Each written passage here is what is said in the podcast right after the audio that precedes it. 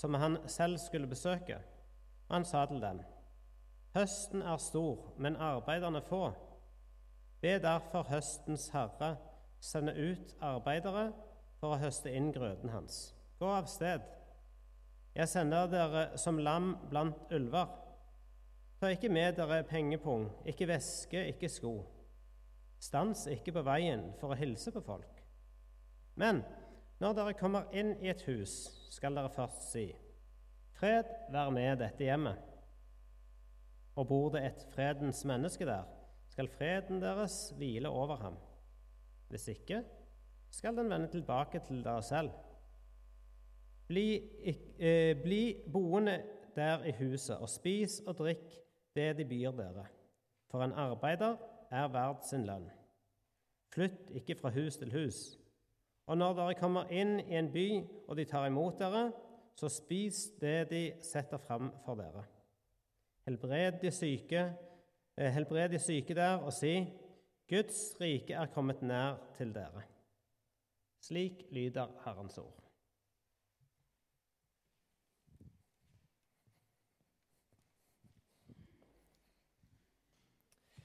Det, det synes jeg er dårlig gjort å vise film før jeg skal tale, liksom, sånn at jeg begynner liksom, å assosiere til alle disse gode minnene liksom, og begynner å piple litt i øyekroken. og sånn. Altså, det, det ikke, skal ikke stå og grine i dag, hadde jeg tenkt. liksom. Det, nå, liksom, nå jeg tok avskjed i desember, nå er liksom på gjensyn. Og litt det å, å, stå sammen i det å heie på hverandre videre. Eh, Lukas 10, som ble lest nå, har vært en tekst som har lest mange ganger i løpet av berlandstida. Eh, og, og det, er, det, er, mange måte, minner knytta til den teksten eh, i forhold til å møte som ledere i grupper, lese den og lytte til hva er det Gud prøver å si til oss. Og Hvis det er én ting som måte, står igjen som en oppsummering av disse 20 åra, så er det at Guds rike er kommet nær til oss. Det var det vi fikk erfare med å starte Berland. var på en måte At Gud hadde gått en vei, og Gud hadde lagt noe klart. Og Gud velsigna veien mens vi gikk, og åpna dører. Og Det sterke som står igjen, er jo det at Gud har berørt mennesker på ulike vis. Gud har berørt dere, Gud har berørt meg. Det har ikke bare vært sånn fra, fra Gud til de andre, men det har vært fra Gud til oss. Og det å få stå som, som del av en menighet og kjenne at her er Gud til stede, her får jeg møte Gud, og her kan jeg invitere andre med til å få et glimt av Gud. Det er kanskje litt det, det sterkeste tegnet på det å være en menighet. En av de fortellingene som jeg har med meg knytta til Lukas 10, eh, det er en drøm eh, som en delte på en nettverkssamling i NMS, som var samla. Så kom han en, en morgen og sa han, vet du hva, jeg har hatt en drøm i natt. Kan jeg få lov til å dele den? Og Så beskriver han øh, drømmen, og etter hvert så er det nesten som jeg har gjort den til min, som jeg har drømt den sjøl, fordi jeg har vært innom han så mange ganger. At jeg hører det nesten på ny og på ny. Jeg ser for meg Jeg drømte, og jeg ser for meg ei gruppe som fikk et kall fra Gud til å bryte opp og til å reise vekk fra den oasen de var en del av, og grave fram en ny oase i ørkenen. Og Så reiser disse menneskene av gårde med entusiasme. Gud har jo vist oss en vei. Vi skal dra ut i ørkenen, til en ny plass. Og så skal vi grave, og der må det skal Gud må det skape en ny oase. Og de frist i gang med å grave. Og grave og grave og grave. Og sandet er tørt. Men de fortsatte å grave. En dag så ser de noen skyer i horisonten og i kveldinga så bøtter det ned av regn fra himmelen. På en sånn måte så det bare kan skje i ørkenen. Og Gud fyller hele brønnen med vann. Og de gleder seg og ser på dette her som et Guds under. At brønnen er jo blitt full av vann. Og de planter palmer og blomster og tenker nå kan vi bo her. Dette blir så bra. Og så er det ikke lenge dagen etterpå, når de kommer tilbake igjen, så er alt vannet rundet ut. Alt det regnet som kom i bøtter og spann, det er trukket ned i sanden, og sola steiker på nytt. Palmene visner, og de sitter slik der, ja. Var det ikke Gud? Likevel tok vi feil. Og Se for deg hele denne opplevelsen av både å ha vært på leir og opplevd store ting og komme hjem og så være litt sur på mor og far. Den denne kontrasten mellom vitnemøtet på leir eh, har stått opp liksom, og kanskje våget å ta noe første skrittet på det å si noe om hva Gud betyr for meg, og så komme hjem på mandagen og så være sure på mor og far og så kjenne liksom Ja, Gud, var det ikke mer enn dette? Møtte du meg virkelig så sterkt i går? Jeg som krangler med mor i dag. Og enten det har vært epoker i livet vårt som har vært sånne høydepunkter, eller det er opplevelse, erfaringer med Gud, så er det noe med at erfaringene Jeg tror på erfaringene som Guds gaver, men jeg tror vi trenger noe større å bygge på hvis dette skal være holdbart over tid. Og hva er det der som er større? Og det, det som er større, må bli på en sånn måte vi ikke snakker ned erfaringene. For mange av oss har erfaringer som har vært utrolig viktige i livene våre. Men det er veldig få av de erfaringene som kan bære meg i livet gjennom dagen. Jeg må ha noe større, noe mer. Og av og til så gjør vi som i drømmen. Det de gjorde. Første det var at jeg så for meg at de reiste tilbake til en oase. De fylte på tankbil på tankbil med vann. Og så kjørte de vann ut til, til den brønnen de hadde gravd, og så fylte de opp i vann. Tusenvis av liter. Og jammen klarte de å få oppi litt, sånn at det viste igjen. Men det er noe med alt det vi gjør av egen innsats, som òg betyr noe. For jeg tror jo at det hver enkelt av oss gjør, betyr noe. Vi betyr en forskjell. Vi er viktige. Vi er medarbeidere. Men hvis det bare blir det som vi skal gjøre, uten Guds kraft, så vil det etter hvert stoppe opp. Vi vil holde ut en stund. Men jeg tror at mange av oss, hvis vi bare skal gå i egen kraft, så kommer vi til punkt der vi kjenner var dette alt? Eller at det blir mer og mer tomt på innsida av å prøve å kompensere på å opprettholde imaget av ei vellykka kirke på Ålgård. For det er ikke bare det som vi gjør.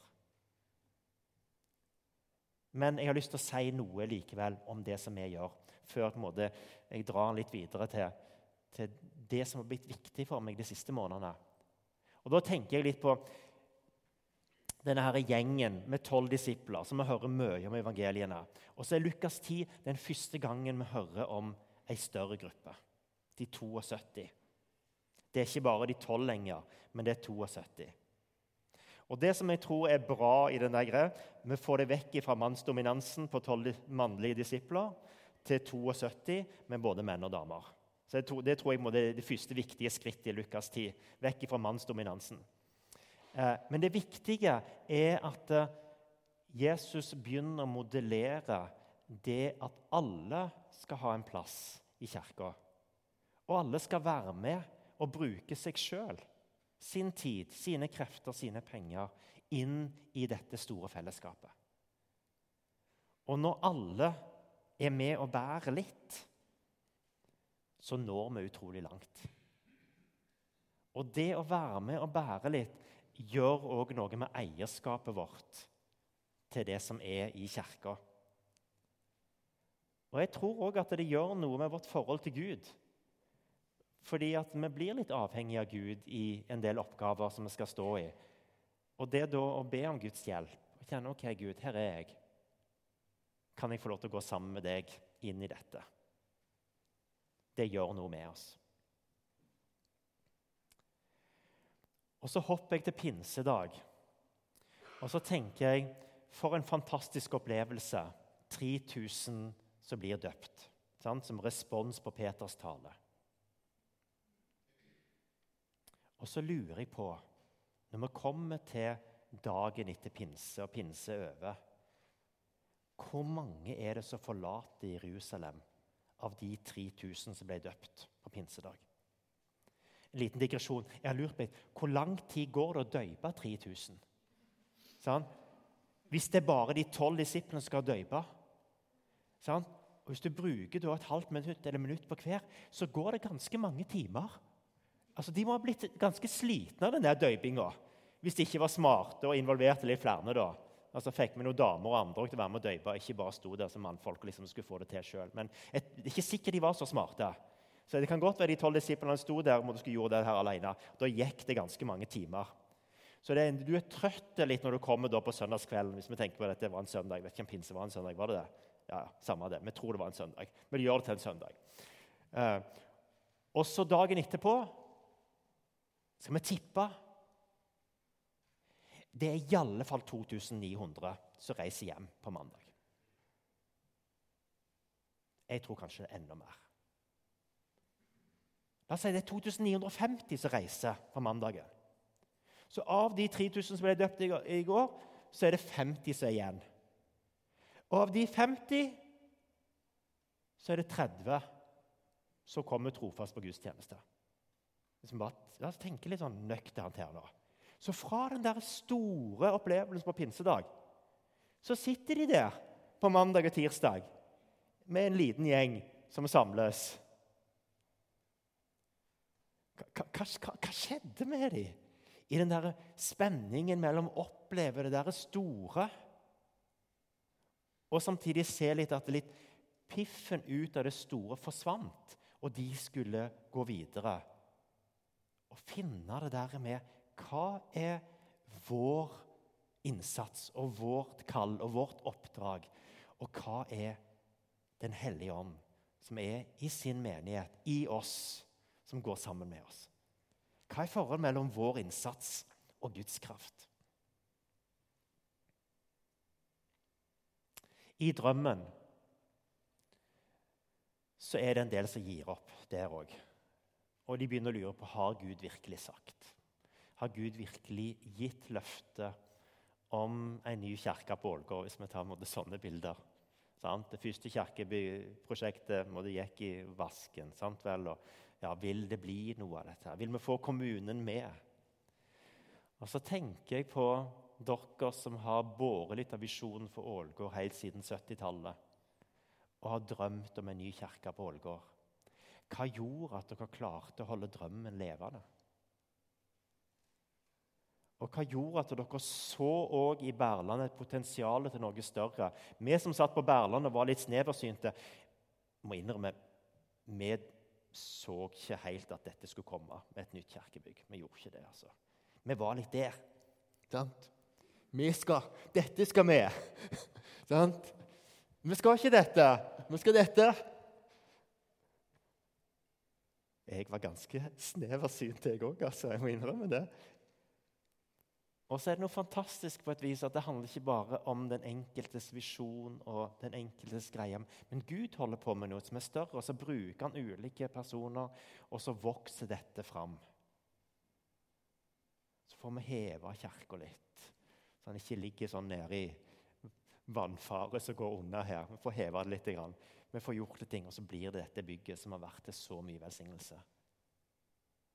Hva gjorde at dere holdt drømmen levende.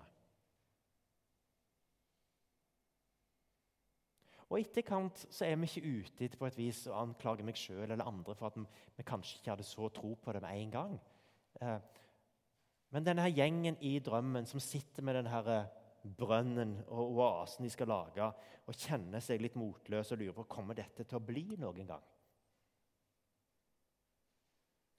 En morgen så sitter de der og lurer på skal vi gidde å begynne å, å grave noe mer i dag.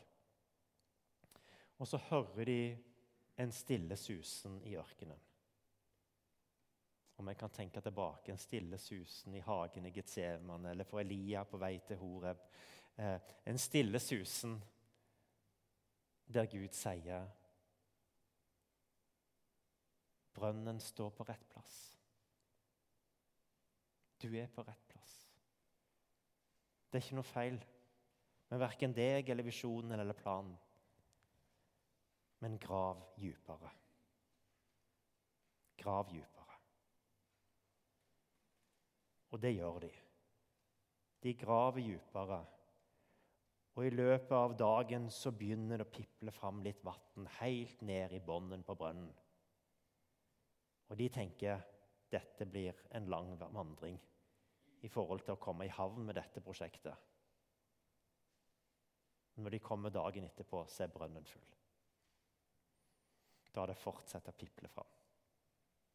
Og så er brønnen fylt. De planter, det blir en oase, det blir en plass der folk kan søke ly. Der folk kan få hjelp. For Guds rike er kommet nær iblant oss.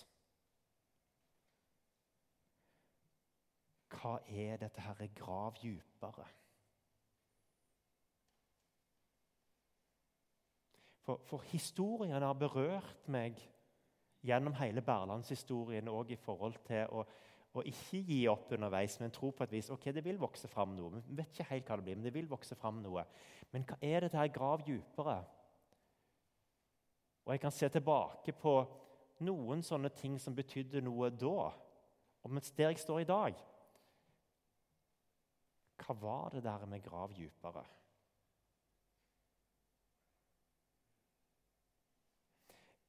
Jeg tror Lukas peker på hemmeligheten i dette. Og Det er det fine med at Lukas har skrevet både Lukas' evangeliet og det gjengitt Lukas 10, men han har også skrevet apostelgjerningene. Så han er kanskje den som får lov til å trekke litt historie litt langt. Og Så møter han menighet i Jerusalem, som har sett 2950 mennesker reise hjem etter pinsedag. Og måtte, De har måtte, vært på høydene, opplevd store, og samtidig så har de også vært med på nedturen på et vis i forhold til hva som ble virkeligheten. Og så sier han rett etter rett etter måte, den der fantastiske pinsefortellingen Trofast holdt de seg til apostlenes lære, til fellesskapet til brødsbrytelsen og bønnene. Er det én ting som er blitt tydeligere for meg gjennom koronatida, det er det der at vi trenger fellesskap. Vi trenger å komme tilbake igjen til der vi er sammen i møte med Gud. Der vi feirer nattvær. Og jeg tror at det er nettopp det jevne gudstjenestefellesskapet. Det vi får lov til på ulike vis, både av det sterkt og av det svakt, erfare et lite glimt av Guds nærvær iblant oss.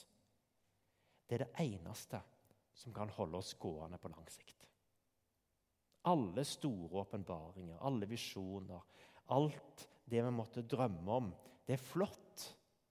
Men det eneste som kommer til å holde oss gående, helt til Jesus kommer igjen, det er fellesskapet. Og Gud i fellesskapet. Og der Gud møter deg gjennom oss andre, og andre får et glimt av Gud gjennom deg. Mer hokus pokus er det ikke. Grav dypere.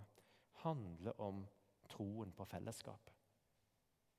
Og Derfor synes jeg det var veldig fint i den der boka som jeg også fikk, Mimrebroka, så var Lukas 10 gjengitt, og så var det ett vers til, Matteus 18, 20. Hvor to eller tre er samla i mitt navn. Der er jeg midt iblant dere. Uansett. Der hvor to eller tre er samla i mitt navn.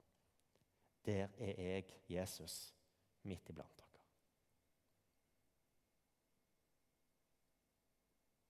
La oss be. Herre, takk for det som du har gjort for oss, og takk for at du sto opp igjen. Og takk for at du møter oss i fellesskapet.